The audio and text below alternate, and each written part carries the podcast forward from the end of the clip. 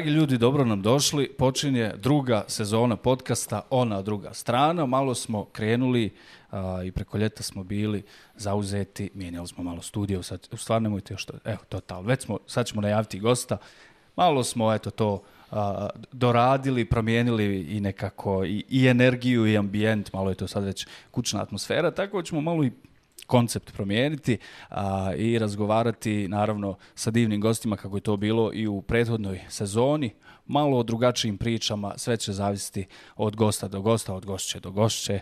Danas nam je gost, a, čovjek a, o kojem je danas Daily Mail u Engleskoj a, pisao jer je pronašao nešto nevjerovatno. Prije svega, on već godinama promoviše Bosnu i Hercegovinu, pronalazi a, neke dijelove Bosne i Hercegovine koji nisu do sada bili tako dobro predstavljeni, pogotovo što se on bavi fotografijom i videom, pa to može na divan način a, i uraditi, ali predstaviti, uslikati, snimiti i onda to možemo pogledati na njegovom YouTube kanalu ili na mnogobrojnim gostovanjima koje sada ima zato što je jeli, pronašao a, nešto historijsko. Sve pričamo o tome, pričat ćemo malo i o samoj historiji, on voli reći ja nisam, um, ne bavim se historijom, ali je poprilično načitan i dosta je istraživao onako svojom nogom i svojom rukom, tako da može definitivno a, da, da, da razgovara na tu temu sa mnogim stručnjacima. Ja, nis, ja nisam stručnjak, ali ću moći razgovarati. Džanan Džido, fotograf i koješta. Dobrodošao.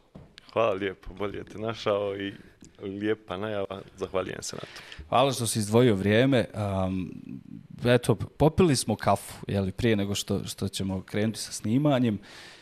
I ti si čovjek od, tako sam ti ja i napisao bio na Instagram, od hiljad priča i onako kreneš brzo mi pričati nešto. Ja sam te zaustavljao nekoliko puta i govorio nemoj mi to sad, ostavi za podcasta. Gosti nekad ispričaju na kafi nešto i misle da su ispričali uživo. Tek kad pogledaju kažu jao, to sam zaboravio. Tako da uh, nekoliko puta sam bio možda malo i uh, ne, nezgodan, jeli, pa sam rekao nemoj, pre, prekini. Važi. Ali ćemo, znači, sad, danas, danas hoćemo. Hajmo krenuti od onoga zašto si, uh, htio sam te zvati i bez ovoga, u svakom slučaju, da, ali to se to rekao. desilo, ali se to desilo bukvalno na dan kad sam te zvao, um, izašlo je u, u svim medijima, kao što, kao što sam rekao, danas je i Daily Mail engleski, uh, britanski to, to objavio, ti si pronašao a, engleski, odnosno britanski bombarder koji je nestao u drugom svjetskom ratu u Jugoslaviji, pa negdje je to bilo oko Jablanice. Helem, nije se ni znala ta priča o ovim našim novim generacijama, ta je nekako priča zastarila, ljudi su i zaboravili na to. A, ti si dobio poruku, koliko se ja sjećam, neko ti je to ispričao nakon što je snimio video Bitka na Neretvi, a, provodao si nas onako a, kroz, kroz planine i počinje, od tog trenutka počinje tvoja priča i, i tvoj pronalazak. Tako je.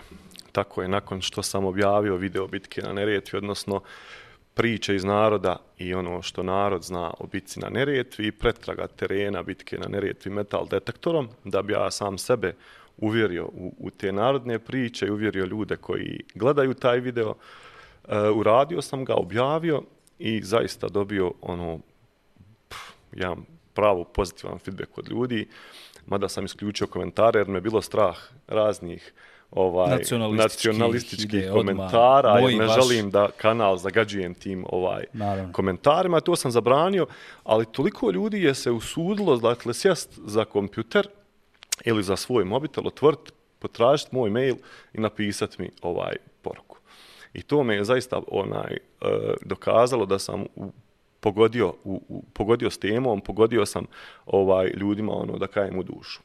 I tako od, od tih nekih ovaj ljudi koji su mi se javili, javio mi je se čovjek iz Zadra, Marino, koji mi je rekao, ovaj, da li si nekad čuo nešto o britanskom avionu koji je pao na području Avlance? Radi se o Spitfire-u, to je britanski borbeni avion koji je onaj inače u drugom svjetskom ratu jedan, bio jedan od jačih boljih aviona ovaj, u borbi sa njemačkim uh, uh, snagama.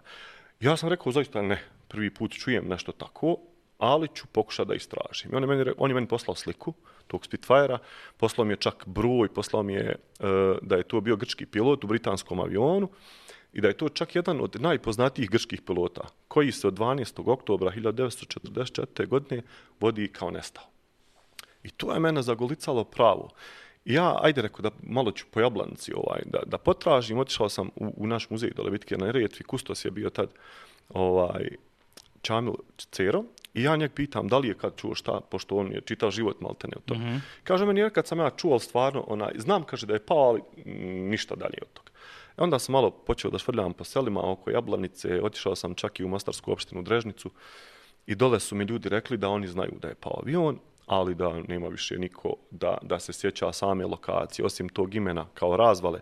I da su oni, dok su bili još djeca, sakupljali aluminij sa tog aviona i pravili su češljeve i suvenire koje su prodavali kasnije ljudi. Turistima u Mostaru. Turistima, bravo. I to mi je ono bilo fascinantno, razumiješ? Vjerovatno da su ljudi u, to, u, to, u tom periodu pravili. Možda su ja Britanci nosili u Britaniju dijelove svog aviona, da nisu Da. znali da je u stvari to dio britanskog aviona. Onda sam na Blidinju od jedne moje prijateljice, poznanice, planinarke i jednog gostitelja, ovaj, s njima sam pričao, oni su isto čuli ovaj, za tu priču, ali godinama, godinama niko o tom nije progovarao ništa.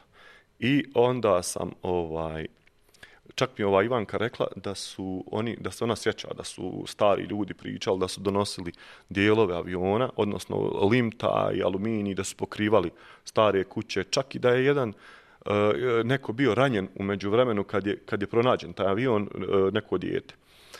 I, ja, I to je ostalo sve na tome. Tačnu lokaciju ni ona nije znala, rekla mi je kao samo moguće da je sad, jer prošle godine je, Park prirode Vidinje strada u strašnom požaru. Mm -hmm. I ova, ona mi kaže da bi to moglo biti negdje u toj granici gdje je bio požar. Svi ljudi koji se sjećaju toga nisu više među živima. Nisu među živima, tako je. I onda sam ja ovaj, već skoro bio izgubio bio neku i posljednju nadu da će mi, da će mi doći ta informacija. I onda na jednom planinarenju, jedan prijatelj moj, ovaj, sjedili smo na vrhu pločnom na 2228 metara, ja mu govorim, rekao, je viš ispod, ispod nas, rekao, negdje ovdje je pao avion. Ali to je, kad ti gledaš od ozgo, to je prostranstvo, to su vrtače, to je, to je strašno onaj, za pretražiti. I on meni kaže, pa imam ti ja prijatelja jednog koji je pronašao dio i on misli da je od aviona. Mislim, sumnja da je od aviona, nema šta drugo tu biti. Ja ga zamolim da mi da kontakt i on meni stvarno da kontakt gospodina, ja ga nazovem, predstavim mu se ko sam, šta sam, on kaže meni, jo, ja tebe pratim, onaj, tvoja videa gledam na, na televiziji i kaže, onaj, on meni kaže lokaciju, približno, i čak mi na karti napravi tačku gdje, gdje bi to moglo biti. Ja njemu kažem, super, ali bi opet, mislim, znao otprilike gdje, pošto ja često stvarno dobro poznajem, ali bih volio da ideš sa mnom. I on kaže, volio bih ja, evo, da, da odemo zajedno. I ja sam već to u glavi, ono, posloži, rekao, napraviću neku priču za svoj YouTube kanal, ono, nisam ja nešto sad očekivao da će to, jer sam čuo da su ljudi to sve odnijeli. Ali rekao, bar nešto da nađem, neki djelić onaj aviona, bi, bilo bi interesantno ljudima. I ovaj, ja njemu govorim već da idemo sutra, on govori meni, kaže, ja, ja ne mogu stvarno sutra, ne mogu u petak, onaj, ta dva dana ne mogu, a ovi drugi danima bi mogao. I ja sam otišao kući, gledam prognozu, sutra odlično vrijeme, a ovi naredne dane je kiša. I Sutra je dan. Sutra je taj dan, a on ne može. I ja kontam, bože, da li da probam? Mm. -hmm. I u, u glavi nekako najvećemo neću. I odem na kafu s dva druga, pijem kafu 8 sati, 9 sati je to, znači da je normalna neka tura, ja bi već u 8 bio na planini. I sedim s njima i, i, i kontam, rekao, ma odo rekao ja na planinu. I sad njima je objavio, znaju oni za čitavu priču da sam ja i kontaktirao čovjeka. I ona, ja ti upalim auto i odijem na vrh pločnu i počnem da se spuštam prema tim vrtačama mm. i ponesem mobitel. Ja inače za YouTube kad radim, ponesem i dron, ponesem i GoPro kamere, ponesem i Nikon aparat onaj, za neke kadre. Međutim, taj dan sam krenuo samo s mobitelom u nadi, eto, čisto da ću nešto zabilježiti ako nešto pronađem. Nakon neka, bogam, dva i pol do tri sata pretrage, ja nailazim na te dijelove koje je meni ovaj momak. Mm -hmm. I kreće video. I je kreće, koji, ja koji video, na, vidjeti. kažem, evo, to je taj. A više sam krenuo da snimam onaj, iz radoznalosti neke čisto, pošto sam kupio novi iPhone i želim rekao da vidim kako će izgledat. Bravo, da. I onaj, da vidim kako će izgledat video sa njim. I ja počnem to da snimam. I onda nalazim dio po dio, dio po dio. Mislim da je, da je Da. to posebno bilo važno ovaj, i posebno interesantan video na, u odnosu na ono što si ti pronašao, zato što imaš zaista iskrene reakcije, vidi se da ti to nisi pripremio, pa dolaziš poslije da ono Bukvalno. snimiš ti, "Oh, šta je, i puno. bukvalno. Ja sam, ja sam danas pustio taj video, um, pa ajde rekao da se malo i po, podsjetim ovaj, šta, šta je to bilo da te mogu pitati. I kolegica tamo iza čuje kako ti jaučeš, jer kako ideš, kako se spuštaš, Da. o, lju, lju, je li dobro taj čovjek, šta se dešava? Tako da ovaj, Ja sve sam- iskreno, stvarno. Ja sam svoju reakciju, pogotovo kad sam pronašao prvu kost. Kad sam Da, uzviknuo. da, ajmo to ispričati Da, za sve ljude. da. Naravno, ja pozivam vas da, da odete na, na kanal a, koji se zove Džana Gino. Adventures, tako, Adventures, jeste, da pogledate cijeli taj zapravo video, ali evo malo ćemo pričati o njemu i ko je gledao, možemo ga komentarisati, Može, a možemo i prepričati, evo, ili zainteresovati nekoga pa će otići. A, ti dolaziš, evo, sumiramo priču, pronašao si bukvalno avion koji se tražio i viš ljudi odustali. I tu su, jeli, pilot je jak poznati, jeli, Grk, ali za Britaniju, bitan avion, ali ljudi odustali.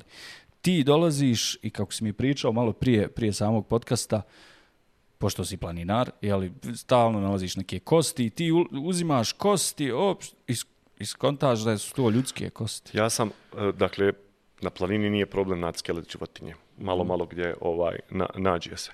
Ali u momentu kad sam ugledao dugme na jednoj stijeni, automatski sam me asociralo na pilota ili na nekog člana lupam. Ali u tom momentu ja nisam na znao. osobu. Mislio sam da se dakle radi o jednom pilotu koji je u avionu. I ja sam pronašao dugme i u momentu dok snimam dugme, ja vidim kost. I vidim da to nije životinska kost. I vidim da je kost vilce, ljudske. Ja je uzimam i, i čak na videu moja reakcija ta meni je bila ono i uzdah moj i, i, i ne znam šta sam čak i si da izgovorio. upravo držiš da držim ljudsku kosti. kost. Da. I tek sam kasnije na kadru vidio i drugu, pored nje, ali koju nisam vidio u tom momentu od uzbuđenja. Ja sam to ostavio i onda sam skonto u stvari da ja pored sebe nešto imam a, avion za koji je se znalo, mislim, to, to, je, to je onaj bila činjenica, ali da imam ljudske ostatke na tom mjestu, to me ono, totalno zbunilo, totalno me razvalilo emotivno.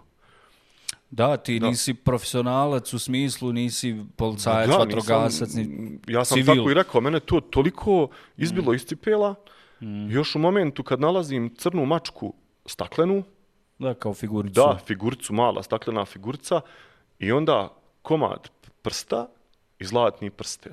Tako, ja to kad je bio čujem ajle. svoju reakciju sad na YouTube-u, koliko sad tu, koliko je to na mene ovaj, djelovalo i koliko je meni to u tom momentu djelovalo i nestvarno i, i, i ovaj, da sam od, od ljudi, znači to je bila slota aviona, 9 tona je u njem bilo. Od njega je sad ostalo 250 kila željeza. Sve drugo je odnešeno. I, i taj prsten da je sačekao mene. Tako je. Znači, on je čekao mene da ja tu priču proslijedim dalje. I to prsten se upravo nalazi pored kosti prsta. Dakle, Znači, pored tu je- prsta, ispod kamenice, Da. tu je. Ono, ono što je posebno, mislim, nevjerovatno, mi smo malo, malo prije pričali, teško da bi šta a, mogao pronaći da ima veću simboliku od zlatnog prstena pilota, jeli, a, a, a, nakon toliko godina koji je u savršenom stanju, nakon što si očistio, gdje ima i pečat porodice, jeli, objašnjavao si mi iza, ti si uspio pronaći zlatara koji ga je napravio, ali ovaj, i ono što si ti uradio u tom momentu, da se mi razumijemo, jeli ljudi kad bi a, a, pronalazili tako neke stvari i već su pronašli i odnijeli sve olupine, a, koliko možeš nam reći šta si ti zapravo uradio. Ja znam, ali eto ima tu malo i ambasade i svega, ne znam koliko možeš. Vidi, ja, ja mislim da sam ja jedan od ne, možda 300 ljudi koji su gore otišli. Mhm. E, ali sam prvi koji je otišao s namjerom da napravim priču. I, A ne da nađeš i a ne da sebe. nađem nešto i da uzmem nešto sebi. Dakle, ja sam, kad sam to našao, prvo sam sjeo, e, pogotovo me je zbunila, e, vidi, brate, znači ti si na, na 1800 metara nadmorske visine, gdje nema civilizacije, nema ništa. I nađeš crnu mačku, staklenu malu. A prije toga snašu kost. I onda s- sjedneš, saberiš se, brate, je li ovo meni, Ma ja, jesam jel, li normalan? Znaš, crna mačka je nesreća kod nas. Mm. I ja onaj, to, to kad sam našao, sjeo sam, boga mog, sjeo sam, pa kontam, rekao, jel mi dobro, znaš. I onda kad sam našao onaj prsten, ja sam to sve u glavi nekako uvezao, ali mi je crna mačka ostala po strani, nikako, znači, ne, ne, ne vežem sa... je, u savršenom je. Da, onaj, samo se vidi kako je valjda pravljena, presovana od, od, od onaj, dva komada stakla, da se vidi taj. taj. Ja sam, kad sam došao kući, kad sam došao do signala, pokušao da kontaktiram britansku ambasadu. Međutim, radno njihovo vrijeme do, do 17, ja sam već duboko bio zakasnio na, na to javljanje i onda sam ujutro, kad sam se probudio, popio kafu, malo se presabro i zovem ja. Zovem ja ambasadu i javi se sad njihova sekretarca, kako to već ide, ova automatska, preusmjerava me. Uglavnom, došao sam do lika kojem sam jednostavno u tri reči rekao, ja imam za vas jednu priču, ja ću ispričat, a vi odlučite sami šta treba dalje da radi. Kaj lik, ok, ja ispričam, kaže on, meni onaj, za trenutak je zastao, znaš, da govori kao, i mislim da će vam se javiti neku toku dana. I to je završilo, nakon sat vremena meni dolazi poziv iz uh, ureda vojnog atašeja britanskog, gdje meni čovjek se javlja na našem jeziku, uh, bosanac je čovjek, ali radi tu, i govori, ovaj, mi smo evo upravo, ili su preslušali razgovor, ili se snimali, ili su im je prenijeto, Uglavnom, oni su, ono, ne vjeruju da, da, da se to dešava, da je, da je, da je tijelo maltene jednog britanskog pilota pronađeno. I ovaj, jer njih maltene ostaci aviona i ne interesuju, već ih interesuje ta priča o, o pilotu i o, o, o svemu onom što sam ja našao. I onaj, oni meni kažu, oni su jako zainteresovani za to, ali prvi korak mora napraviti naša policija. Oni preko njih ne smiju ništa. I zamolili su me da odem u policijsku stanicu da to prijavim. Ja sam otišao u policijsku stanicu Jablanica, obzirom sam mislio da je to naša općina, međutim mi graničimo s općinom Posušje i to je u općini Posušje.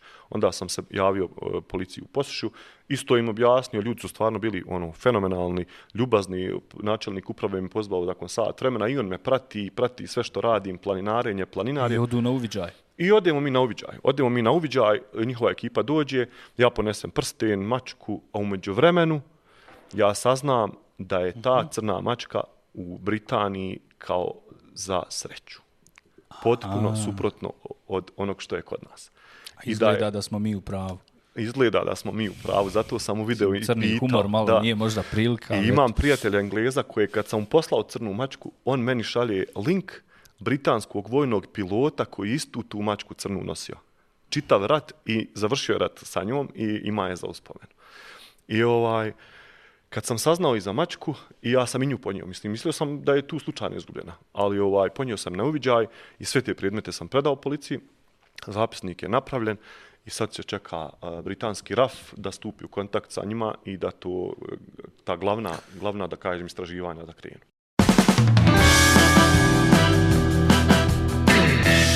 Dosta ljudi koji su vidjeli, naravno puno je onih koji su fascinirani, bilo je to i na svim portalima svuda, ali obično očekuješ jel, to se nešto brzo završiti. Eto. Zanimljivo malo, jer zaboravimo da, da to su je li, ljudi, mislim, ljudska tijela pronađeno nešto nakon toliko godina i onda se uključuju britanske, a, neću, nije obaveštajne službe, nego agencije da. koje će biti uključene u dalje istraživanje toga svega a, i definitivno a, i ti ćeš biti uključen u narednom periodu u sve ono što, što se bude a, dešavalo, ali kako je to i završilo i ti si objavio taj video, a, još ti se ljudi javljalo, dobijaš nove informacije, ti sad postao pravi nekako historijski istraživač, pa ne, je li to ne spada pod je li, arheologiju? Negdje je tu između... Vidi ovo, ja ne znam ono koliko u stvari strašno puno pratim da ne bi ušao u neki, u neki dio gdje,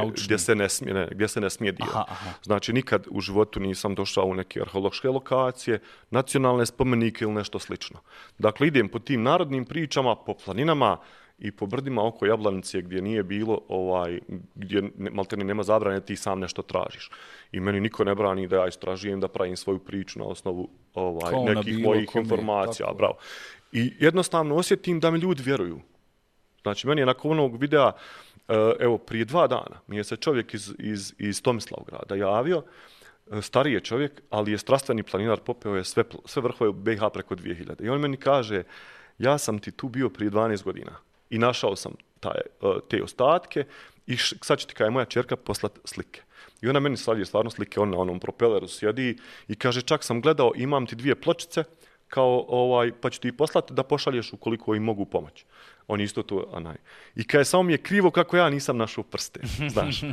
Ja kažem, rekao, prsten je mene čekao očito, znaš. Mm. I stvarno je gospodin bio susretljiv, ispričali smo se i on govori, ja sam to pričao svima po tom Slavgradu. Ovaj, svi su znali za to, ja sam svakom govorio, ali nikog nije interesovalo. Jednostavno ta priča. I možda bi ona i tako i ostala u kafani da nisam ja odlučio da, da, da uđem u to skroz. Znaš. Ti si, ti si naravno pronašao sve te ostatke koji će imati sad dalje svoj put nakon istraživanja. Znam da si ih zamolio, može li bar nešto što vam ne treba da ide u muzej ovaj, poslije. To je jako interesantno zato što drugi tvoj video koji pominješ nekoliko puta o bitci na Neretvi, zapravo sad ima svoju postavku, a, sve ono što si ti pronašao sa metal detektorom i bez njega, a, ima svoju postavku u Jablanici u muzeju ovaj, bitka za, za, za ranjenike, kao i video jeli, koji, koji ide tu. Zanimljivo je, ti krećeš taj video sa um, papirima jednim, u kojima imaš cijelu priču, kako si došao do njih, preko dvije stotine ljudi, mještana, jablanice, okolnih uh, sela, uh, koji su partizanima davali izjave o pronalasci, odnosno šta se dešavalo tokom drugog svjetskog rata, jer ti nisi imao puno kao i niko, je li informacija gdje je šta bilo, koja bitka tačno, gdje je neko poginuo, gdje je bio avion, I ti si uspio da dođeš bukvalno do tih a, izjava ljudi. Kako se, kako se to desilo? To, to su papiri da. ovako. I to je, ja i to zovem sudbinom. Isto ko što je ovo. Mhm. Jednostavno me to prati. Ja sam, uh, korona je bila. Dobro. I prvi put u životu sam zatvoren u kući deset dana. Znači, nisam u životu dva dana, pre znači da nisam izašao. I ovaj, na National Geographicu mi izbacuje video kako čovjek metal detektorom pretražio teren. I tad je prvi moment meni došao da ja pokušam nešto raditi s bitkom na neretvi. Kažem supruzi, rekao ja ću kupiti metal detektor, ja idem. I ona sad, ono, na svršten, na svršten čin je došla, znaš, dobro, okej, okay, tako to ide, onaj, kad sam ja, ona mene strašno dobro pozna, inače je psiholog, Aha. tako da, onaj, dobro se slažemo.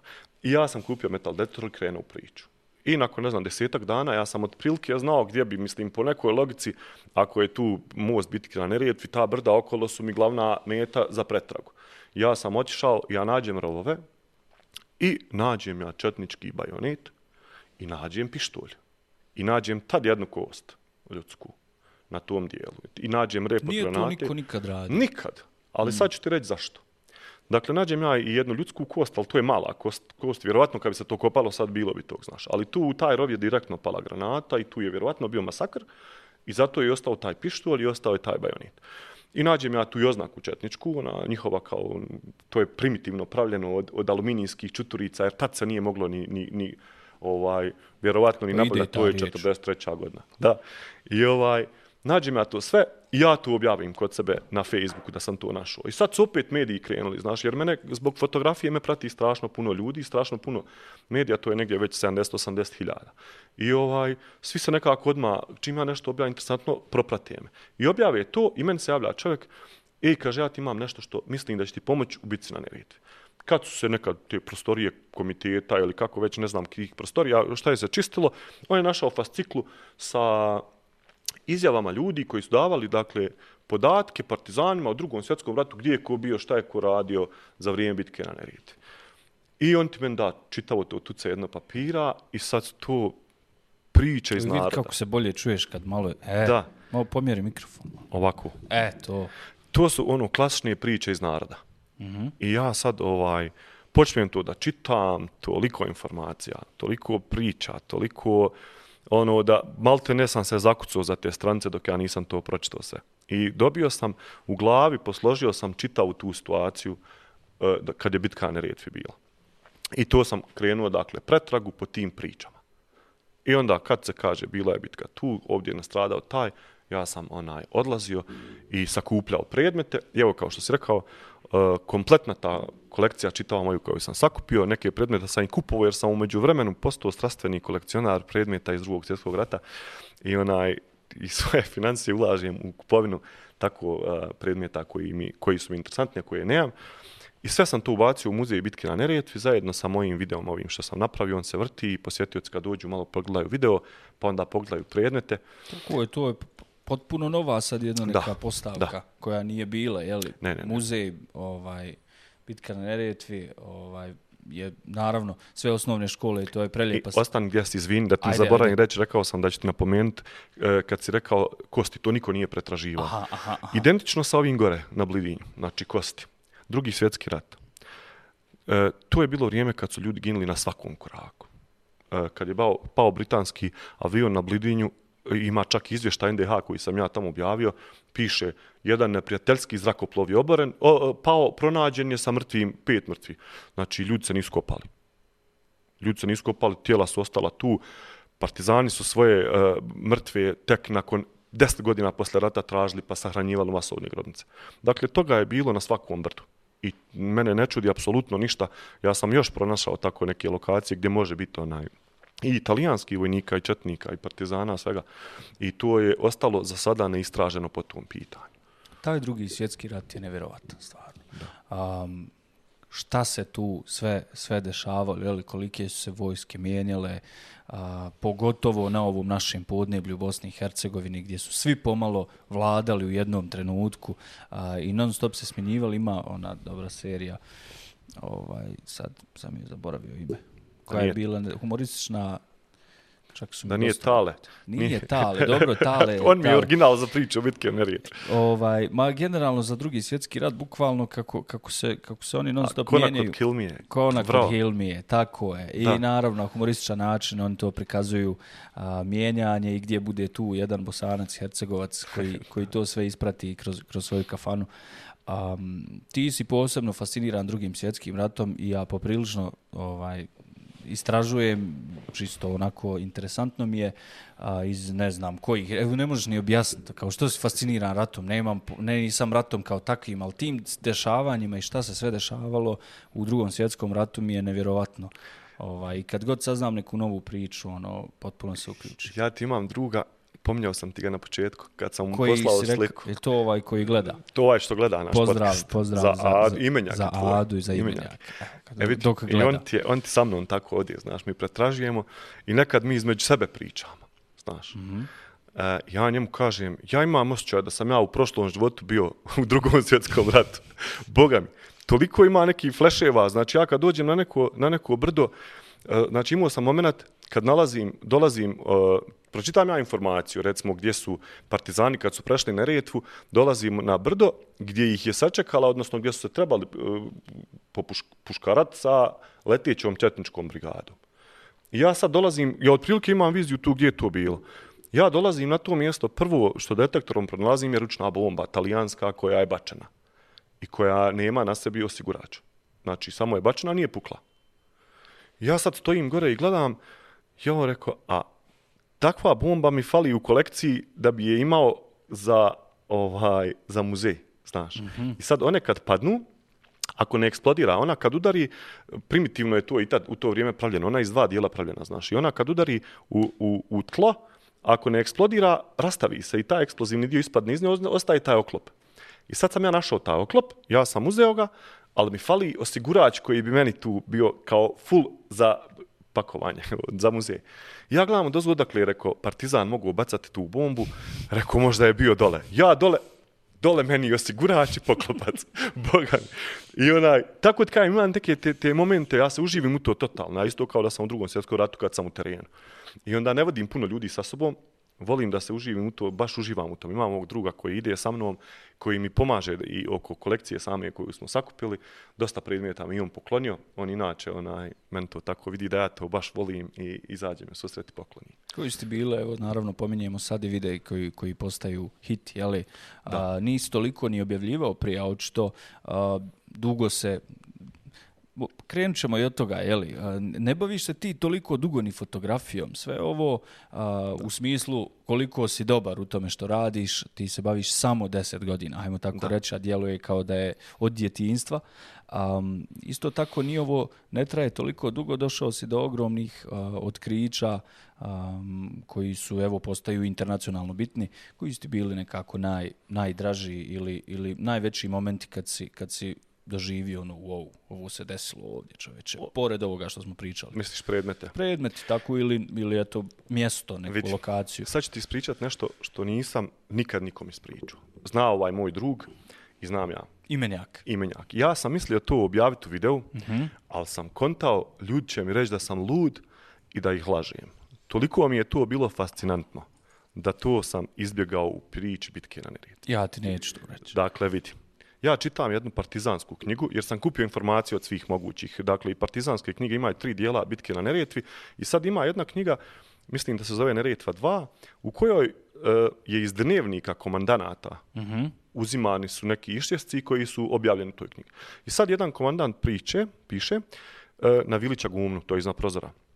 Kaže, Njemci nas napadaju, mi se branimo, od, od tijela mrtvih drugova pravimo uh, mostobrane i, i pucaju. I kaže, u tom momentu, jedan naš drug uh, vidi uh, njemačkog, čini mi se da ga je nazvao intendanta, koji na sebi, uh, i njemačkog oficira. I kaže, gađa je oficira, međutim, pogodio je intendanta u torbicu.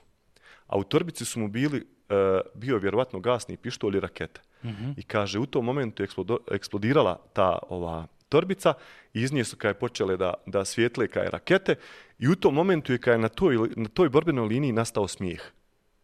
Znači, ja kad sam to pročitao, pa ono, drugi svjetski rat je, brate, to je, halo. To je dakle u onim papirima. Ne, ne, to je priča iz ove knjige Neretva 2. Aha, okej, okay, okej, okay, okej. Okay. Ja, to veliča gumno, da odijem. Ja sam otišao, mm -hmm. ja i ovaj drug moj. I mi smo sad iz početka, kad smo počeli tragat, nema, brate, nikakvog traga u borbi. Ja bih ono, kajem sam sebi, rekao, nešto nije okej, okay, znaš, ali smo išli malo kao dol niže. Ham rekao mi sad na ovu kosu gore. Mi gore, prvi trag koji ja pronalazim je njemačka raketa koja je eksplodirala. Do nje druga koju je pogodio metak. Ima, vidi se, jel? Znači, imam ja to izloženo u muzeju. Znači, kroz nju je prošao metak, a druga pored nje eksplodirala, kapsla je pukla skroz, znači, razvaljena. Što potvrđuje tu priču, apsolutno. Da. Znači, to, to je to. E, to me je oborilo s noga. Našao sam ja i njemačke šljemove i, i bajonete i šta ja znam, ali ništa me nije Pa kad si nešto iz priče, ovo, da, tako, da. i priča sama da. po sebi e, je nevjerovatno. I to sam izložio u muzej i nisam napisao, ja mislim, taj događaj nisam upisivao nigdje, ali onaj, imam i knjigu gdje se to upominje, imam i čaure koje sam našao. Pa možda samo iz knjige, jeli, izvaditi to. Da, taj članak i... staviti, i, ovaj, bilo bi to. Možda i uradimo. Odlično. Kako ti, jesi prije sarađivao s muzejom? Kako dolazi tvoja saradnja s njima? Ti sad amaterski, jeli, krećeš u to, a, pronalaziš neke stvari, odjednom, eto, eto nam kaže, nosi još jednu pušku. Znaš kako ti je to krenulo? Ja kad sam pronašao ovaj četnički uh, bajonet i četnički, četničku pištolj. kokardu i pištolj, uh mhm. -huh. ja sam to objavio, ko što sam ti već rekao. I onda dolazim u situaciju da mi se javljaju ljudi, čovjek mi se javi iz Trebinja, i on meni šalje porku na Viber. Ovaj, momak, ja, ja poštujem sve što ti radiš, ali ja volim da to kupim od mm -hmm. tebe. I ja ti dajem toliko i toliko novaca za to. I on mene dovede u iskušenje. Ali međutim, koliko ja volim to, taj, to što sam pronašao, koliko poštujem bitku na Neretvi koja je bila u mom gradu, muzej bitke na Neretvi, ja odijem dole i direktorici koja je tad bila, pokažem ja njoj poruku, gdje meni čovjek daje taj novac za to. Ja njoj kažem, rekao, moj odlazak u teren. Ja svaki put ja imam uh, teren, terensko auto koje troši znači 15-20 litara goriva. I ja idem, ja nisu to troškovi. Ja njoj kažem, rekao, evo ti, ovaj, pogledaj. Umeđu vremenu sam još imao upita i Slovenije i za te predmete. Ali rekao, jedino ispravno je da oni budu u muzeju.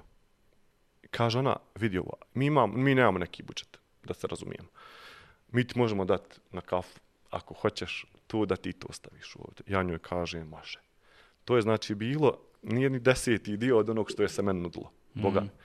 I uh, reću ti, 300, 400 maraka sam ja dobio za to, Ma. onaj, da pokrijem svoje troškove i hranu i prijevoz, ja sam to onaj dao njima dole. I to sad stoji u muzeju ti si znači sad pravi istraživač za muzej. To postane sad na, aktivni, najaktivniji muzej je postao u Bosni i Hercegovini. Jel, imaju aktivnog istraživača koji donosi predmete, o. koji se bave temom, jeli, koji mi je muzej.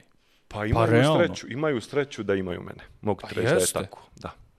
Ja kad sam bio u osnovnoj školi, bio sam u tom muzeju i naravno, s obzirom na to da se i ta bitka desila prije toliko godina, naravno da će to uvijek postavka biti ista, malo da. se nešto promijeni, ali znaš da se izlizalo i ono, yes. ne cijevi, ono, isto je bilo nedavno, sam ulazio ovaj, kad sam na more, gdje sam išao, da. isto je to sve. I okej, okay, ovaj, nisam nedavno do duše pri, pri, prošle, prošle godine, isto je to bilo, međutim, sad dolaze novi predmeti sa, sa novim istraživačem. Ti si ušao u fotografiju, Imaš, ima tu sjajna priča. Ti si radio na benzinskoj pumpi. Ja sam. I volio si fotografiju. Ja sam radio na benzinskoj pumpi od 2001. godine. I, I nekad 2012. na 13. sam kupio svoj prvi aparat i fotoaparat. Isključivo zbog planinarenja. Dakle, ja sam planinar i malo sam onaj... A umeđu vremenu sam imao porodičnu jednu, ovaj, da kažem, tragediju. Otac mi je umro, a bio je lovac. Ja ti naslijedim tako od njega tu neku lovačku opremu i o, zbog zakonske procedure morao sam se učlaniti lovačko društvo da bi to naslijedio. I onda sam ti ja tako i lov i planinarenje nekako malo kao onaj da, da, da pokušam da, da izbalansiram, pošto i, i bavljenje lovom, e, kad ulaziš u prirodu i možeš baviti fotografijom. Ali mi je se koslo sa mojim nekim etičkim principima ovamo s planinarenjem. I onda sam e, pravio neke fotografije dok idem kao u lov i u planarenje I za sve mi je trebao dobar aparat. I onda sam ti krenuo sa fotografijom, počeo objavljivati, ljudima se to strašno svidjelo. I onda su me ljudi svojim komentarima natjerali da budem bolji.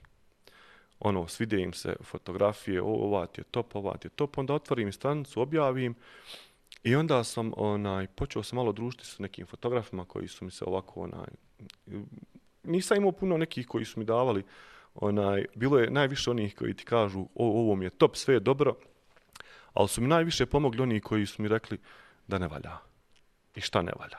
Znači, na takvim greškama sam učio kad vidim da je to stvarno konkretan onaj, i korektan savjet i onaj, ti ljudi su mi puno pomogli. Dakle, kad mi kaže ja bi ovo ovdje promijenio, ja stvarno vidim da je to to. Mm. I tako sam napredovao. Kroz te priče pokazivo sam ljudima fotografije i onaj, kroz nekih, evo ove godine, 10 godina jubilarni, kako se ja bavim fotografijom i za tih 10 godina sam zaista napravio puno, puno rezultata na polju fotografije puno prijatelja upoznao, puno, puno novih poznanstva, puno putovanja. Moj para zaradio, pa, izložba imao, to, je, to ćemo pričati o da. tome. Nego ima strašna priča o novom aparatu, adresu ima. Teletovića i evo, ne trebam ti više davati ima. ovih. Ima. Ja sam radio na benskoj pumpi i sad već je to nekih 3-4 godine kako se ja bavim fotografijom. I sad, ovaj, pošto sam radio na kasi, kolega koji je toče gorivo, ulazi gospodin Krupan, visok, I čim svrata gleda u mene, a ti si onaj Gino fotograf, jel de? Ja sam rekao. Kaže, ja sam onaj, predstavi se on meni, ja sam Hasan Haso.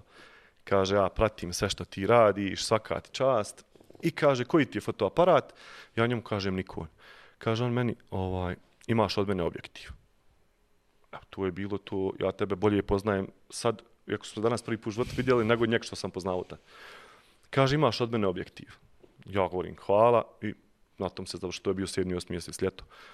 Nekad, boga mi, pred novu godinu, meni ovaj dolazi porka, došla je pošta neka, ja trebam preuzeti paket, imam 500 maraka troškova crni, šta je objektiv? Ja to povežem. Da je objektiv, međutim, ta objektiv vrijedi 1000 po eura. Ovaj, ja izvodim pare, platim to, preuznem objektiv i sad ja nemam kontakt njegov. Međutim, on je se raspitao za moj kontakt i on mene nakon nekoliko dana zvao, pitao to stiglo, ja kažem jest ja s njemu zahvaljujem, rekao, samo sam mi tebao posla porku da će to doći, da se ja pripremim, rekao, utrošak, utrošak se ne bacio. Ja. Meni tad plata bila toliko. Znači, bukvalno će to platu sam dao. Kaže on meni, zar si morao plaćat, pa ja ću dolaz, kaže, ponovo mogu sam te ja to ponijeti. Nisam, kaže, ja znao, sad on meni govori, ja kao ima sve okej, okay. rekao, tebi hvala, hvala ono, korišćem objektiv, stvarno, to je teleobjektiv od 150 do 500 mm. Ja sad kad hoću da slikam mjesec, slikam s njim, mm. jer ga mogu onaj, dobro, dobro napraviti fotku. I dolazi ti taj neki period prolazi, ja sam umeđu vremenu onaj, počeo malo i rad s tim, e, neke fotografije s ljudi od mene htjeli da kupe, pa sam to nešto i prodavao. I on se meni javlja, dolazim ja, kaže, sljedeće sedmice, oblanicu, hoćeš da pijemo kafu i vidim kaj da ćeš da prodaješ fotografije, hoću kaj da kupim od tebe neke fotke. Rekao, nema problema, a meni super prilika da se njemu odužim na neki način, znaš. Ja izradim 10 fotografija koje mislim da bi njemu ono, pasale, odgovarale i e, dolazi dan kad se on trebamo vidjeti, i dogovorili se gdje ćemo se naći. Ja dolazim u kafić, on već sjedi, čeka, pozdravimo se mi. Ja sjedam, znaš, onaj, ja one fotografije oko stavljam na sto. Kaže on, joj, ovu ću kupit, znaš, kupit ću ovu, kupit ću ovu, sve ih odvaja, on, ma sve ću kaj kupit. Ja njom kajem, rekao, niješ Boga ništa kupit, rekao, to ti od mene. Kaže on, nema, ta, nema šanse, ti kaj je tek počeo, ti ovo, ja ću te platiti, rekao, ja ću ih, rekao, pocijepat, ovdje nećeš i plaća sigurno. Ili ćeš i nas džaba, ili ih neće, rekao, biti gleda on u mene, gleda, kaj čekaj sad, i sad je sam, znaš, ispod stola i vadi torbu, kaže, ovo je tvoje. Ja gledam torbu, ono, otvaram, brate, novi aparat, novi objektiv, novi blic, Sve novi novo. filteri, nove kartice. Znači, vrijednost neki 4 lemara. Ti si dalje na, radiš na Radim benzinsku. ja na benzinskoj, da. Ja, onaj, ono, brate, govorim ja njemu, ne mogu ja ovo uzeti, znaš. Kaže on meni, moraš, to je tvoje, ja sam to tebi namijenio. Ja sam to, on kaže, ja sam to kupio bio sebi. Jer ja imam neku firmu, ja pravim privjeske za ključeve i to sam kupio kada sam napravio neke fotografije. Onaj, za te privjeske, ali to niko ne koristi i to je novo i to ćeš ti uzeti sebi. Ja njemu sad govorim, ja mislim, nekako sam konto da sam se s ti des slika odužio.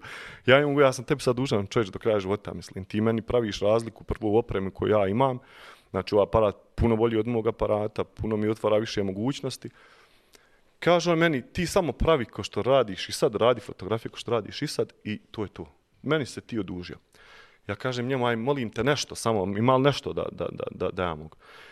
I kad je ti dobar s Mirzom Teletovićem, košarkašem, rekao jesam. Možeš li mi kaj nabaviti njegov dres, originalni?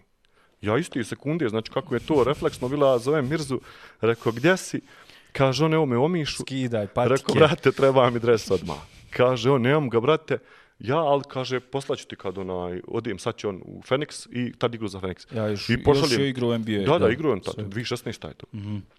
Pošaljem, ili 2018, ali lažijem ti, mislim, pogubit ću se u godinama, ali kaže, pošaljem ti ja onaj, dres Phoenixa, nemaš problema.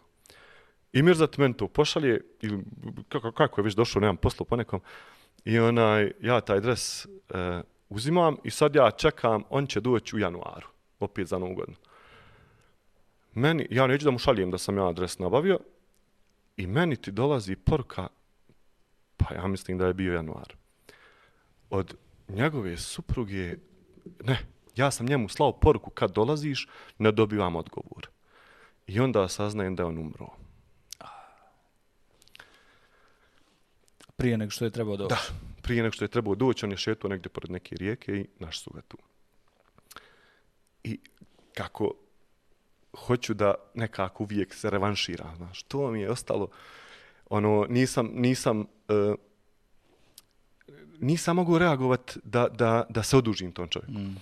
I sad, e, prošlo je, ne znam, 5-6 mjeseci, od toga, ajde, mi smo čuli i ovaj, ja sam na nekom takmičenju fotografije pobjedio i sad e, ti e, organizatori koji su meni to ovaj, na, na tom takmičenju kažu možemo li mi organizovati tebi jednu izložbu u Jablanici u zahvalnost. Eto, da se vide i te fotografije, a kada je može. I to je bilo ljeto. I sad ovaj, ljudi dolaze stvarno, ono, izložba, izložba bila to popraćena. I dolazi jedna žena koja stane pred mene i počne plakat. I ona se meni predstavi i to je supruga Hasina. I tad ja počnem plakati, sad bi zaplakao. Onaj, I ona ti meni, Ma, emotivno je, mislim. Prošlo je, to nije, nije, nije puno godina prošlo, a definitivno neko ko ti je, ko ti je znači u tom, u tom periodu. kako ne, moći sačekat. Nema veze. Nema veze. Mislim, definitivno je i, i lijepo i na ovaj način pričati i da se prisjete, vjerovatno, evo, možda će i oni gledat njegova porodica, Da. ovaj, da, da, da, se, da se prisjeti upravo, upravo ovog momenta. E, kaže, došla sam na izložbu, čula je za izložbu i e, njegova želja je bila, kad umre, um, on nije bio neki vjernik sad nešto da je to, i on je želio da se njegov pepeo spali i da se pola pepea prospe u Neretvu, pola u, tamo u tu rijeku gdje je valjda bio. I ona, I ona mene moli da ja budem s njima kad to bude. I ona, ja njoj kažem, ja volio s vama da sjednem, da nešto dam što sam obećao njemu. I ovaj, kad smo mi sutra sjeli, ja sam njoj dao taj dres, ja ispričao, čitao, čitao priču, on je taj u stvari dres želio da pokloni sinu. Mm. I ja sam njoj to dao, to je bio ono, baš emotivan susret. I na kraju smo eto i pepeo prosolu Neretvu i to je ta A i ti si bio dio, dio, Dio dio, toga, toga svega. Se, jesi ostao u kontaktu s njima? E, sa ženom sam čuo još par puta, ono, život nas je, mislim, Naravno, na različite strane, ali sam zaokružio to, vratio sam taj neki dug svoj koji sam osjećao da imam. Ja sam, jeli, prije nego što smo krenuli, stvarno tek smo se upoznali, ali i kroz tvoje videe, a pogotovo ovako uživo, čovjek stvarno stekne dojam i to smo zaključili. Kad si normalan i s nekako pozitivnom energijom imaš pozitivne a, i poštene namjere jeli, prema, prema svijetu, prema drugima i radiš ono što voliš, ne, lagano, pomalo, nema veze. Bez srkleta. Bez srkleta. Da. Samo se otvaraju, ne idu prilike brzo, ništa se ne dogadi preko noći, ali počnu se spajati nekakve tačke. Ako si ti, ako nastaviš biti takav. U tvom primjeru se to tačno tako vidi.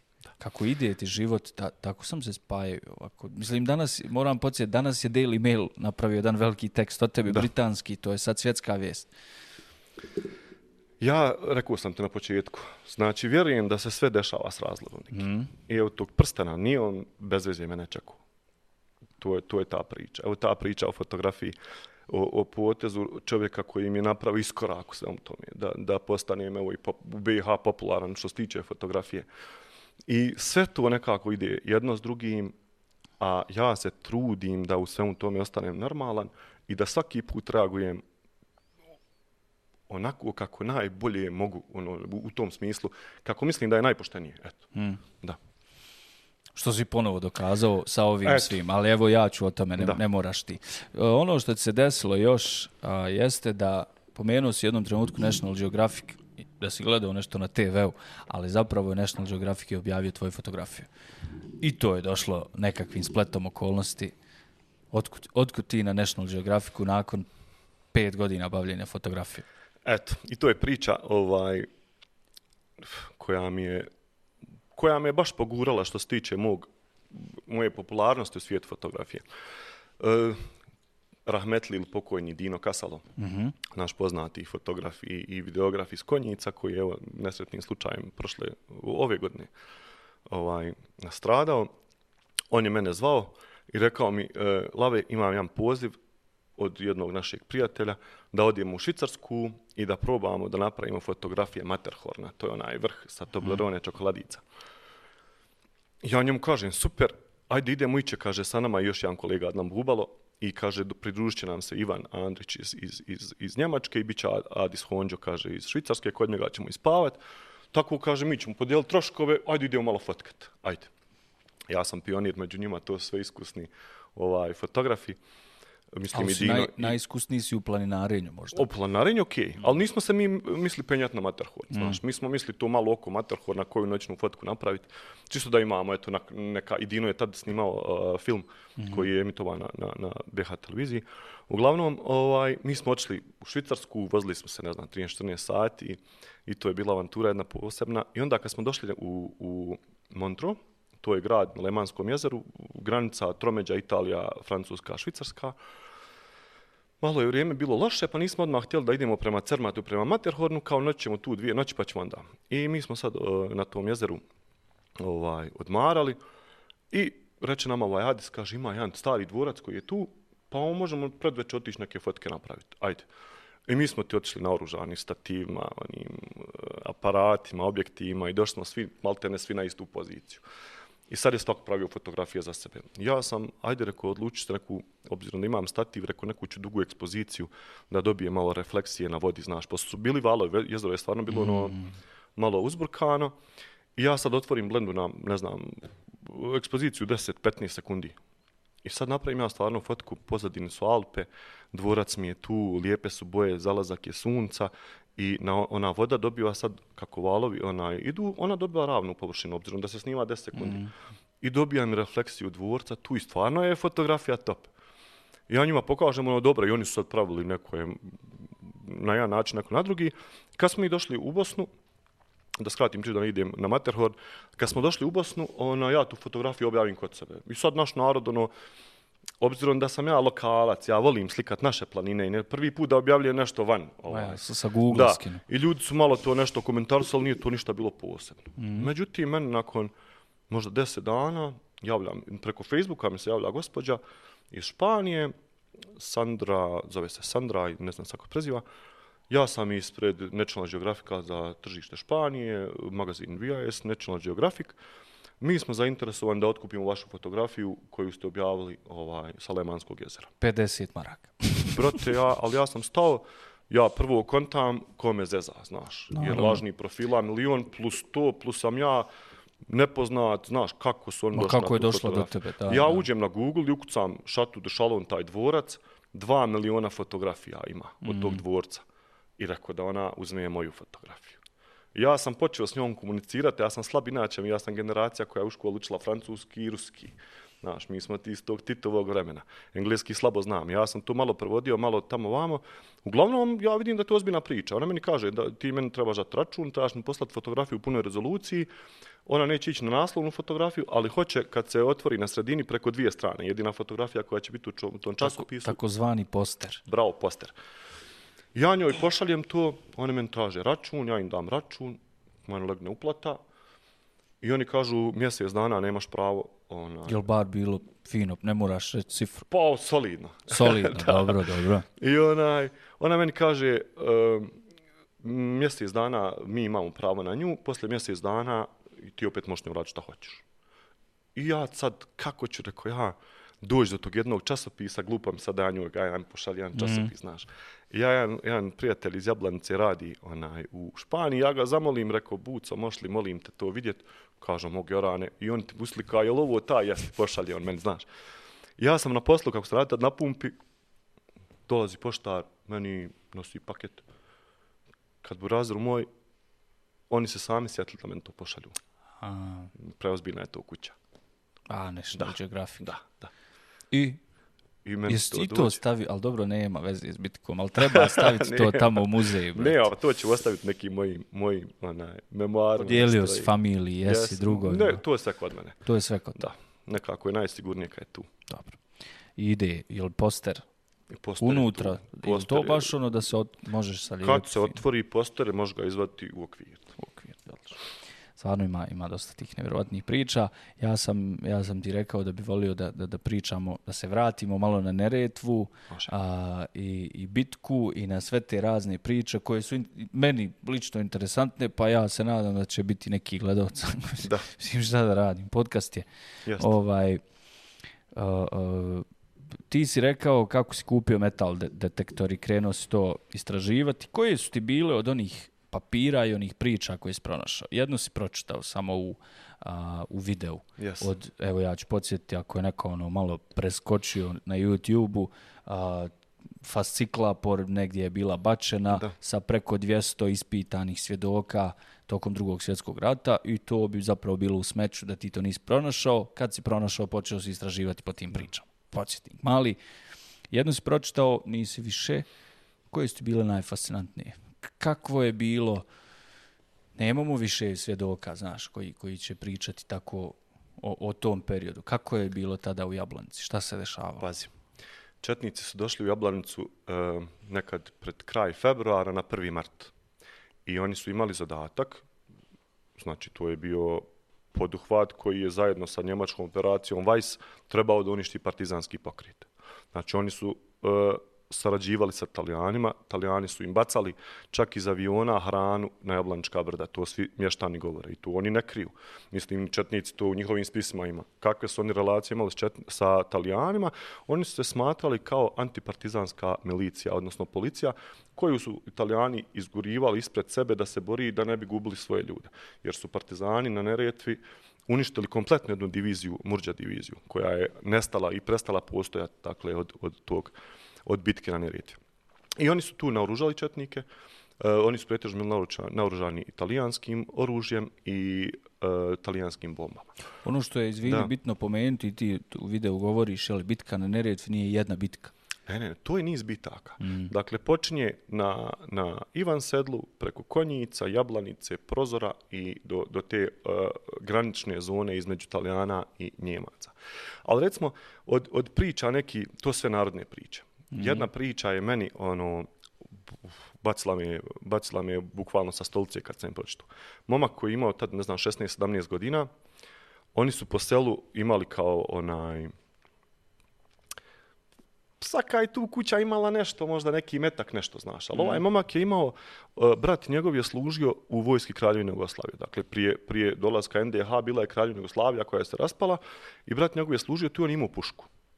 I oni su, on kaže, uh, mi smo imali pušku, ali je brat otišao u partizane i od njoj. I neko je u selu, uvijek imaš ljude koji će ti u selu reći, ovaj, izdaćete, razumiješ? Mm. I neko je rekao da oni imaju pušku. I došli su je četnici u našu kuću i rekli, sad slagaću ti ime, ali lupa Muharem. Muharem je gdje je puška. Nema puške, gdje je puška? Oni su počeli pretraživati, nema je stvarno. Međutim, kad su otišli na tavan, nađu kutiju metaka. I kad su našli tu kutiju metaka, oni su rekli njemu, kaže, ovaj, ti ideš sa nama u komandu. I kaže, onaj, poveli su me i kaže, sad kad smo onaj, došli blizu to, Dragan selo, Bijela i Dragan selo, to je u dva kilometra, oni su pješke išli. Komanda Četnička je bila jedna u tom Dragan selu, jedna gore na Krstacu. Kaže, oni su mene poveli i u jednom momentu jedan od Četnika hoće da vrši vel, e, malu nuždu, a drugi je se okrenuo. Ja sam, kaže, iskoristio priliku i počeo trčati prema potoku. I oni su rekli, stani, pucat ćemo, počeli su pucat, međutim, on je pobjegao. I govore oni, sad ja sam, kaže, od njih lupam 70 metara, ali me ne vidi. I oni govore, idemo ti sad po majku, majku ćemo ti, kaže, ovaj, zatvorit, kad ti dođeš, pustit ćemo je. I kao on su ošli prema selu. I kaže, ja sam na jednom sa brdovim vidio kada kad su nju odveli, i on ti odlučio ujutru da se preda. I ja sam kada je došao tamo i počeo su od njega udarat, i ovaj komandir govori gdje je oružje, on kaže, nemam, i ovome, kaže, jednom četniku, govori, kaže, vodi ga u potok i da ga ubije. I kaže, momak mene vodi, ja idem. I kada dolazimo mi u potok, i on meni govori, Muhareme, koliko imaš ti godina? Kaže, njemu kajem 21. Viš kaj imam ja 21. Gdje ti je kaj puška, ja te moram ubiti. Kaže on, nema mi je Boga mi, nema mi je Allaha mi, kaže, brat je odnio, kaže, ja ne smije reći da je nema. Kaže on meni, vidi, kaže, ja kad sam iz, iz Crne Gore pošao u Četnike, meni je, kaže, matijer moja rekla, ako ubiješ kaj nedužnog čovjeka, zaklela me, e, zaklela me kaj svojim lijekom, onaj, ako majčnim lijekom, da ne smije ubiti. Kaj možeš li ti pobjeć da te pusti? Kaže, ja njemu govorim, mogu. I kaže, on govori, ja ću opucat u zrak, ti bježi. I čovjek se spasi. I on to priča partizanima, znaš. I sad ovaj partizan govori, Ja, ova, govori, i ovaj bio, kaže, neki dobar četnik, znaš. Kaže, njemu ovaj partizan govori, ne može četnik biti dobar, znaš. Kaže on, A, sve, pre, kaže on, sve ide Ja, sve ide, znači sve ima. Kaže on, ali ova je stvarno bio, boga mi, ali to je recimo neka priča koja nešti nju nigdje naći. Znaš, Nema, pa, neš. ali zato ti ja kažem, Ali, stvarno je, da. ti, ti kako si dobio i ono Da. što si pričao o tim poklapanju stvari u životu, Da, da. a, došlo je do tebe nešto što je trebalo biti u smeću Bravo. i ti si postao pripovjedač zapravo tih Ti ljudi kojih više priča. nema, a koji su ispričali to negdje i nigdje nije objavljeno ni trečano. Ali jo- evo još da ti ostanem, rekao sam... Zato ne- i trebaš pričati. Bravo, nedorečen. Onaj, uh, ista ta grupacija Četnika je dan pred polazak, pred ulazak Partizana počela da, da ubija domaće stanovništvo. Ubili su četiri momka, četiri civila u selu Glogošnica po 20 godina, koji su, im, koji su im samo dva dana prije bili vodiči da im pokazuju gdje su te neke lokacije. I baš sam prije dva dana prvi put vidio spomenik njima. Nisam znao uopšte da postoji. I kad sam bio na jednom porodičnom ručku kod tetke, oni mi rekoše da iza kuće i odijem na livadi to nađem četiri imena. Jedan je Hrvat, tri su muslimana, koji su ubijeni 6. marta, a već 7. su partizani došli u, u, u Jablanicu i oslobodili. Ljudi kad planinare i da počnu razmišljati koliko je Njemaca, Talijana, Partizana izginulo bukvalno pored Kako kostiju. Ja Da. nasmijao se kad si rekao po kućama šta je sve bilo. Ovaj moj drug, smo ga pominjali, Dobro. on je u mene u, u telefonu snimljen kao Vladimir Nazor. Na, narodni pjesnik. Uh, jer u njegovoj kući on spavao za vrijeme bitke na Neretvi. Ozbiljno. Da, i to smo saznali i on meni govori, brate, znaš ti kad je, da je Vladimir Nazor spavao kod mene? Kako ste to našli? Pa on je onaj, e, ta kuća u kojoj on sad živi, to je u stvari od supruge kuća. Onaj, kad je doselio tu, nj- njen dedo ili Amidža, ne, ne mogu sad pogrešno ću se izraziti, oni su pričali da su, znači, tu, pošto je to bila jedna novih kuća u Jablanici, došli su Italijani i zauzeli su tu kuću.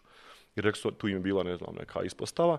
Uglavnom, kad su došli partizani, pošto je Vladimir Nazor tad bio uz njih, a bio je najstariji, najnemoćniji, oni su njemu dali da tu bude. I bio je dok nije prešao Neretvu. I od tog momenta ja njegov mobitel snimim kao Vladimir Vladimir, Nazor. Ro, u, u, ugostitelj, domaćin Vladimir Nazor. Ali Jablanica sama po tome ima toliko... E, možda imamo sreću, pa je, da kažem sreću, pa su nam te naj, najplodnije i najljepše njive koje su bile oko Jablanice, gdje je, se nalazi i ovaj Spitfire koji sam ja tražio na početku, potopljena Jablaničkim jezerom. Mhm. Dakle, 20 nešto kilometara opštine je potopljeno i otprilike gdje su bile te malo veće borbe i taj dio je potopljen. Te stare kuće, stara sela su ovaj, izmještena. Dakle, i stari Ostrožac je bio sad na mjestu Jablančkog jezera, ovaj novi je gore, to je sve 52. dakle izmještano, pa, je, pa su ljudi recimo od tih nekih dole lokacija malo, malo pobjegli. A u Jablanici, u samoj džamiji našoj Jablaničkoj je bila bolnička, bolnica partizanska. E, bila je pogođena čak i, i, i porušena je munara od njemačkog bombardovanja. Tako da su to neke priče koje, koje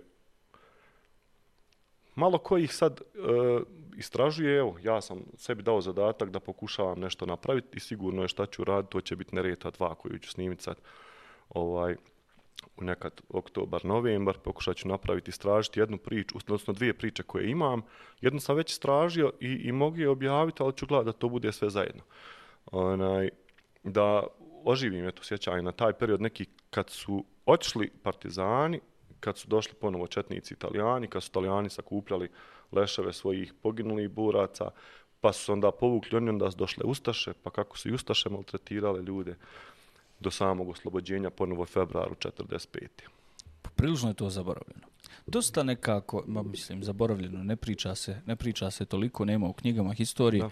Ja planiram jednu od narednih ovaj, epizoda upravo da napravimo Bosanskom kraljevstvu, recimo. O tom, o, bravo, to je isto o super. tom i da, da, da razgovaram sa historičarima upravo o tome. Nema to u historiji detalja. Mislim, pogotovo, eto, ti se školovao u dobu Jugoslavije. Jesam. Je li bilo? Ali znaš zašto je to? Pogotovo te neke, recimo ja sad, danas je čovjek komentarsao uh, ovu na YouTube-u. Komentarsao mm -hmm. je u stvari neretvu, ali pošto ja tamo zabranio komentare, komentarsao je na ovom, mm -hmm. onaj, na ovom nađu videu. ljudi da, kad da, hoće da, da komentarišu. I on kaže, znaš, uh, pobjednici uvijek pišu istoriju. Mm -hmm. Bilo šta da se desi. Uh, zato mi danas u Bosni imamo tri istorije neke. Tri neka različita viđenja na sve. Svaki ubijeđen u svoje. Ja u to neću da ulazim. To je meni toliko manta. Ja znam. Odrastao sam u, u, u Jablanici. Bio čitav rat u Jablanici. Znam šta je bilo i imam svoje viđenje o tome. Ali se nekako držim tog drugog svjetskog rata i on me je fascinirao kad su ljudi, pogotovo taj neki period 43. 44. kad su svi nekako ka, na kraju se združili u jedno i borili se protiv tog zla. A samo mm. jedan pokrijet je bio koji je u stvari bio to, ta strana koja je na kraju pobjedila. E sad, kao i svi, partizani su uveličavali neke cifre. Isto ovamo, ja sam recimo sad došao do dokumenta NDH, gdje recimo onaj, to su tolika uveličavanja, u, u, pogotovo kad izveštavaju koliko su oni ubili partizana. Kaže, u jednom mjestu, kaže, ubili smo 3000 partizana, poginulo je 12 domobrana. Mislim, toliko to smiješno izgleda, znaš. Tako isto na neretvi. Onaj, vjerovatno je neki cifara preuveličano, ali ono što ljudi pričaju, to mi je Tako fakat, je, tako to, je. Ti, ja se ti toga ovo, držim. Ti ovo ne čitaš da, iz da. knjiga. Pogotovo te neke, neke podatke o poginulim. Mm. Znači, pa ovaj to čovjek, ti čitaš da, ono da, što svjedoci govorili. Bravo, bravo. Nema, nema I mislim da nisu mogli ni lagati. Znači, on kad dođe pa nisu smjeli, da. partizana, on kaže šta zna, mm. onaj, i, i to je, mislim da su to najbliže istini je to. Da. Koliko ti si definitivno iz svega, možemo isto zaključiti da si lokal patriota. Pričaš yes. o Jablanci, ja te nisam ni predstavio da si iz Jablanci, ali smo je pomenuli bar 30 puta, što mi je drago. Jablanca mi je isto tako jako drag grad. Um, ali koliko istražuješ, koliko, koliko si istraživao druge neke isto planine i šta misliš, evo, po tim svim nekim pričama koje znaš, ne samo planine, nego i takva historijska mjesta, a, pa evo ako se baviš drugim svjetskim ratom ili Titom, pa evo naravno i konjici, i bunkeri, i bugojno, i, i jajce. Koliko ti je to interesantno ili se zadržavaš na jablanici? Pa znaš kako, ja i kad sam se počeo baviti fotografijom, e, krenuo sam srcem. Uh mhm. -huh. I zbog toga sam i napravio rezultat. I krenuo sam sa tim našim lokalnim planinama. Prenč, Vrsnica, Jablančko jezero, Neretva, Doljanka, Šanica, to su naše te rijeke koje sam ja fotografisao. I tu sam znao kroz fotografiju prenijeti svoju emociju. Jer mi je to blisko, jer to volim i jer to želim. Isto tako mi je bitka na Neretvi. Bila neka priča koja je moja lokalna. Koliko god ona bila svjetski poznata, koliko god bila i eksponirana u jedan period, ljudi su upoznati s njom. Mm -hmm. Ali sam ja želio da, da na svoj neki način napravim nešto što će ostati za mene. I da napravim neki rezultat koji će ostati za mene. Samo će naša dijela pričati o nama kad nas ne budi. Mm. A recimo taj muzej u Jablanici će imati neku postavku, možda i, i jedan od rijetkih koji vode priču iz drugog svjetskog rata, a da ima autentične predmete, mm -hmm. bitke na Neretvi. Ona, jer je u proteklom ratu puno toga odnešeno, puno toga iskorišteno za, za potrebe Jermije BiH i svega ono što je, što je se moglo koristiti.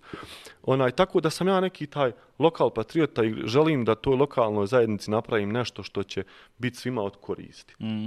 Gdje opet ja, mislim, to moja žena najbolje zna, ja najmanje imam koriste od svega toga onaj, puno se dajem stvarno to, da nešto bude. Sa koliko ljudi to vide, koliko ljudi prepoznaju, ono što mi je bitno da obični ljudi to prepoznaju. Da ljudi stvarno vide da ja pravim onaj, neku dobru stvar, da me podržavaju u tome. E, konjic, to je, to je isto meni kao jablanca. Mislim, je konjic čaršija kojoj sam za 5-10 minuta od jablance i ljudi su mi tu stvarno sa svima sam dobar i drag i, i, i onaj konjičke priče su mi malte neko koji jablančki. Tako da, da onaj, tu sam, lokalno. Mada evo sad nakon ove priče imam poziva znači od njemačke aviona iz Toca, britanski u, u, u Livnu, znači ljudi me zovu da dođem, znaš. E sad koliko će ja biti, ja, ja gledam, nije, nije mi energija ista bilo gdje, znaš. Ja svoju energiju imam je i onaj, u nekim situacijama mi se gubi i onda nije mi to tu. Dobro, da se da. razumijemo, ti ove planine, ova mjesta koja otkrivaš, jako dobro poznaješ. Naravno. Ti si puno puta njih prepješačio, posjetio i bez da si istraživao sa metaldetik. Kako ne, pa ja sam odrastao tu. Tako je. Mada, mada eto, taj nesretni rat mi je dosta toga uskratio, 4-5 godina, pa onda to posle ratno vrijeme, ima mina, mm nema mina, nismo smjeli ni da hodamo. Mm -hmm. Ali ona, eto, zadnjih 15 godina sam bukvalno svako slobodno vrijeme, ja odem na jedan vrh prenja ili na čusnicu ili na visočicu, zavisi onaj, to, to, to je nešto što mi je tu blizu a recimo imao bi, gdje bi imao želju da odem i da, i da istražujem, da, da baš s merakom i da se dam 100% je Sutjeska. Mm -hmm. Sutjeska. Imao sam namjeru javiti se tamo, ovaj, obzirom da sam imao s njima saradnju na polju fotografije, pogotovo sa direktorom koji je bio prije 3-4 godine, Dejanom Pavlovićem, stvarno jedan čovjek koji je, koji je ono, prepoznao mene kao fotografa i imao sam s njima sad u njihovoj kongresnoj sali, nalaze se moje fotografije Zelengore. gore I ovaj, imao sam jednu ideju da se javim njima i da im pokušam um, uh, objasniti da bi napravio sličnu priču kao Neretvu. Pošto imamo sad izlazi jedna nova knjiga mog jednog prijatelja, baš o Sutjesci, jedan planinarsko-turistički vodič na temu drugog svjetskog rata, i, ali o tome možemo neka drugi put, pošto ne bi da iznosim neke, neke onaj, informacije prije nek što to samo izađe, pa bi mi on možda bio i vodilja o, u toj pretrasi, jer stvarno čovjek ima puno informacija, znam gdje koja brigada bila, znam gdje šta, Pa se nadam, evo, već ozbiljna. Da, da, da, volio bih da, mm. da napravim, da pronađem neke predmete na osnovu ovih priča i da obogatim i njima taj muzej ako budu htjeli, ako budu zainteresovani.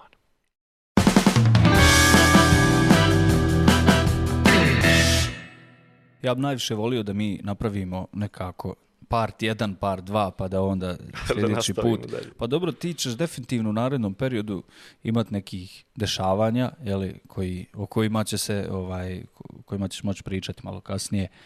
A, I planiraš mnoge videe i tek sad krećeš sa istraživanjem, jer nekako kad na tvoj YouTube odemo, mnogo je prelijepih kadrova i posjeta planini, međutim sad se bacio u, u ove istraživačke vode u kojima ti već dugo, ali sad ih ozbiljno, ovaj, ozbiljno snimaš i, i, i prikazuješ.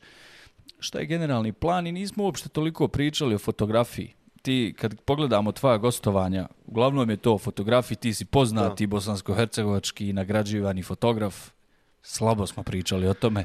Ovaj, imao si mnoge izložbe imaš danas jednu izložbu gdje? U Norveškoj. Danas mi u Esbjergu izložba, u Danskoj. U Danskoj ti je izložba, ali ti nisi tamo jer imaš medijskih ovaj, istupa. Pa nisam medijski, ali ovaj, kad su oni mene pozvali da im budem fotograf, gost za obilježavanje 40 godina fotokluba Esbjerg, ja sam već imao obaveze preuzeti na ovaj dan, odnosno na jučer.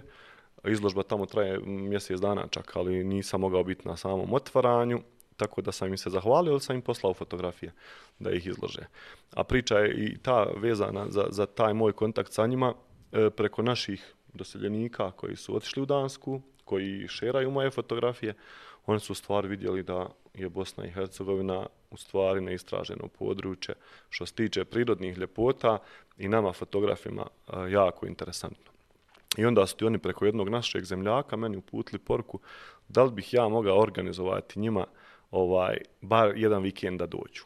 I ja sam se ponudio ok da im ja to organizujem. Došla su tri fotografa iz Danske i malo nas je vrijeme zezalo, ali su uspjeli vidjeti. Znači, otišli smo i na Stari most i Teki u Blagaj i park prirode Blidinje, ali recimo šta ih je posebno fasciniralo je Ramsko jezero. Mm. Oni kad su vidjeli Ramsko jezero, oni su popadali. Pa gdje god se okreniš da, razglednice, da. realno. I oni su onaj, to, to sve ufotkali, dogovorili se, to je bilo pred koronu. I ovaj, dogovorili su ponovo da dolaze, međutim, ona jedna godina korona, druga godina i sad da se oni meni revanširali, su mene zvali da idem s njima na Island da im budem gost, da idem s njima na Island, pošto oni rade neke fototure. Svidjelo im se stvarno, ja sam im se svidio kao domaćin i onaj, da odijem s njima na Island, međutim, isto tako zbog obaveza koje ja inače ne volim, ako nešto obećam nekome da ću raditi, ja to ne volim da prekršim, ja sam im se morao zahvaliti zbog toga, mada sam imao onaj, ponudu da idem sa njima. Onaj, odustao sam.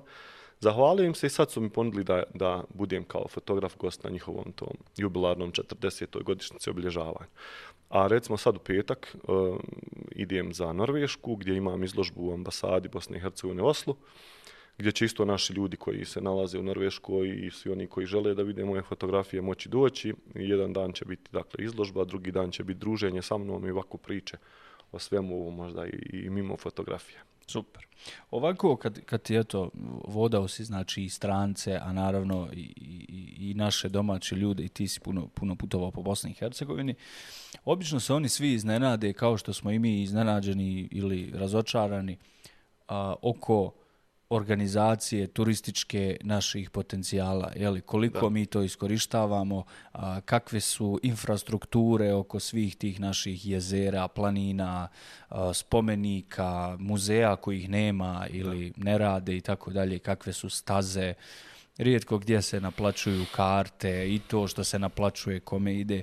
Dakle, jasno je, imamo neke turističke centre, imamo neke institucije ili muzeje za koje se zna, koji su dobro organizovani, ali većina tih nekih uh, turističkih atrakcija kojima se mi hvalimo kad upoznamo nekog iz Engleske da. ili od nekud pa kažeš mu imamo ovo, imamo ono, nabrajaš mu ili on dođe da vidi, ne može da vjeruje kako ti to tako samo uđeš i sve je okej okay, i šta da. ja, šta bi ljudi voljeli, šta bi ja ovdje mogao pojesti, gdje bi mogao da, prespavati, da, da. imali neki vodič, nema ništa ima u kombiju i do, dovuku te i ono ljudi se samo organizuju, uglavnom sto Arapi, ra, kaže radim s Arapima, imam kombi, ta varijanta i imamo mi jednog kolegu.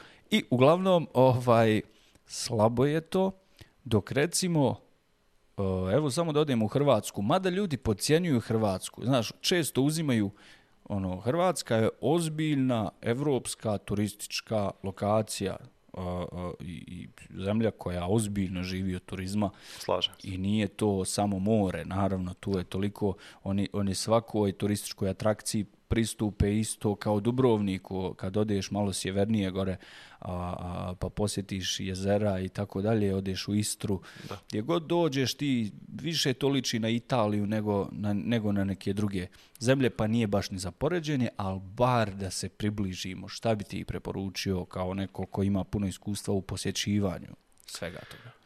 Sad ću ja tebi nešto da kažem.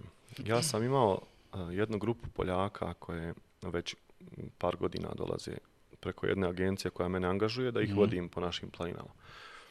I ovaj ono što njih najviše čudi je to da nema ljudi na našim planinama. Da nema mhm. domaćih ljudi.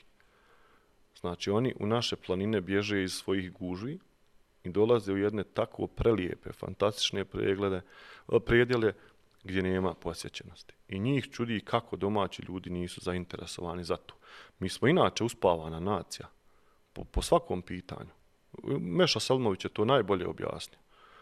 Ja sto godina i se ništa ne interesuje, tavore u svom tom nešto, oni se nešto ko bore, ko bune, a u stvari nikako da se angažuju, da se dignu, da naprave nešto.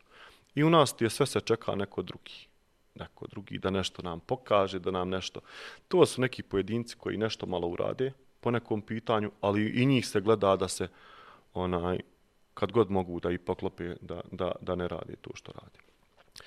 Mislim da glavni problem nas, nas kao, kao, kao, kao bosanaca i hercegovaca je, a to su mi rekli i Poljaci, i, i Norvežani, i Danci, i Njemci, je da ne vodimo računa prije svega o svojoj okolini, da puno bacamo smeće, da, da se razumijemo, najmanje se to može reći za planine. Jer planinari su po meni, ovaj, barem ovi dosad planinari koji, koji, koji pohode planine su odgovorni i na planinama nema smeća. Ali kad, kad ti jednog turista dovedeš na Ramsko jezero ili na Jablančko jezero i kad ispred sebe vidi 200 kila plastike, imaš li razloga i osnove da mu naplatiš ulazak tu? Mm, dakle, mm, nemaš. Mm.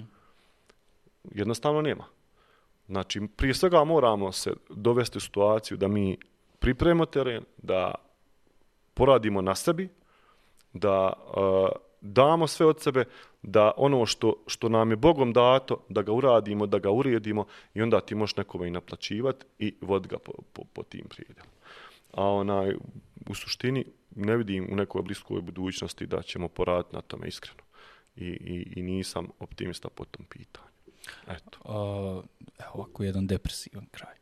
Uh, Robert Dacešin... Čisto iskreno. Naravno, ra, upoznaci vjerovatno sa, sa njegovim radom. On mi je bio gost u prošloj sezoni i dogovorili smo se da ponovo dođe s tim što on sad uh, je na jednom, uh, kako da to nazovem, prije svega je to pješačenje uh, od Portugala do Španije, sad da ne lupim koliko da. kilometara, ali to traje oko mjesec dana. Uh, jučer sam vidio neki story, on objavljuje, doživio jedan emotivan trenutak gdje, gdje su mu počeli koljena da otkazuju.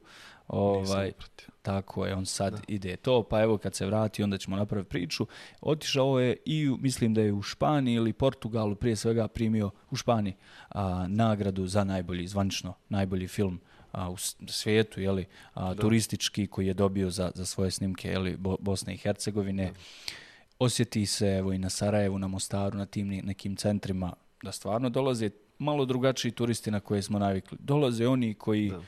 bi mogli otići i u Vijetnam i u Portugal i, ili negdje. Ipak su uzeli godišnji odmor i došli su u Bosnu i Hercegovinu. Uh, mislim da je vrijeme jeli, da, da, da počnemo pripremati malo šire terene od nekoliko gradova u Bosni i Hercegovini za, za njih. I, pa mi, mi imamo, I uzmemo im pare. imamo mi te, te, sigurno te lokacije. A Robert je mene, kad je pravio taj film, mm -hmm. on je se meni javio jer mu je falilo kadrova, mislim, blagaj. I A, vidio pa je to je malo mene, i tvoja nagrada. Vidio je jeli? kod mene, da, vidio je kod mene i on je meni se javio porkom, bil mi mogao ustupiti kadrove te onaj, rekao mi je da pravi taj film, ja sam mu rado to poklonio i rekao mu nema potrebe da me, ovaj, mislim, Eto, to... da, ja sam njemu to ustupio i drago mi, naravno, obradovan sam bio kad sam vidio i rezultat, mislim da pominjao mene, zahvalio sam mene na tome. Odlično. I još jedan kolega, čini mi se iz Jablanice, mm. i da je bio da mu je, da je, da je, da je posudio od njeg neke kadrove. Ali je napravio super priču i siguran sam da je ogroman broj turista ovaj došao i na osnovu te priče. Isto kao što je, recimo, masoban broj, broj planinara domaći, odnosno broj se povećava. Mm. Na osnovu priča mene i ljudi slični meni koji promovišu ta. Ima sve više imate mladih ljudi koji evo upratim ja i na TikToku da izbacuju djevojčice neke penju u planine pa pričaju planina. Već je to nešto što je što postaje in, znaš. Ali su onaj još se to sve u povojima. Još toliko Naravno. mi imamo imamo onaj kapaciteta, odnosno uh, imamo prostora za napredovanje, ali je do nas. A imamo prelijepe gradove, Mostar. Mostar ove godine turistički je bio zakucan na bookingu. Tako znači, vi niste mogli naći smještaj u smještaj, ba, i u Sarajevu, tako, tako film je. festival je bio. Znači, sve to, super je to, to su odlični rezultati, ali uvijek možemo bolje i trebamo naravno, bolje. Naravno. Da. Ne ono što je mene i po Sarajevu, ok, Sarajevo film festival bio, prošao, ljudi i dalje tu, turisti i dalje da, da, da. dolaze, to da. je tačno ono što se osjetilo, naravno imaju statistike, broj noćenja i sve što naravno. je bilo, ali ti kad šetaš, ti vidiš tu ovaj tu promjenu i to je nešto fantastično Isto i definitivno da u Mostaru da, pogotovo identično, mislim identično. u Mostaru se te ne može proći. Ovaj i to je uvijek prelijepo da. prelijepo za vidjeti. Ja sve sklanjam neka vas, izvolite, da, dobrodošli. Da. Ovaj kao kao malo se osjećam kao domaćin ako nemam nikakve veze sa njim. Hvala ti puno što si vrijeme. Mi smo se poprilično ovaj, lijepo ispričali. Bilo mi je super. Otvaramo sezonu. Otvorili smo. Kakav ti je studij? Odličan, odmah sam ti rekao na početku da je studio super. I Malo je kućna sam- atmosfera, Siguran sam da laganije. će svi gosti uživati, evo kao što sam i ja I uživao udobnije danas. je, imali smo Pa visoke ne znam kako je stolice. prije bilo, ovo je meni sad Bila je visoka stolica i malo smo onaj malo se naprijed leđa počnu boliti Jel? tačno nakon 37 minuta. Ja sam se osjećao domaćinski i nadam se da sam se tako i ponašao i ponio. Yes. Bio sam iskren maksimalno i drago mi je da sam bio gost. Evo, da, sam, da otvaramo sezonu s mojim Hvala ti puno, hvala ti puno, a mi ćemo se svakako ovaj, još, još družiti, neka tokom sezone nam se vratiš sa novim pričama, vas ćemo pozvati da a, zapratite naravno društvene mreže, ali i YouTube kanal na kojem se ove priče o kojima smo danas a, govorili su plasirane i snimljene, Džena Džido, ovaj, Adventures, jel tako? Jeste, Džana Tako. Gino Adventures. Tako je. Hvala vam što ste bili za nama. Mi se vidimo u sljedećoj epizodi, sljedeće priče. Evo ovako će to biti. Za, jeli, možda je nekom bude super zanimljivo i, i možda neko kaže joj ne mogu u drugom svjetskom ratu što je sasvim legitimno i tako da sačekajte neku novu epizodu. Hvala vam. Vidimo se u sljedećoj epizodi. Hvala.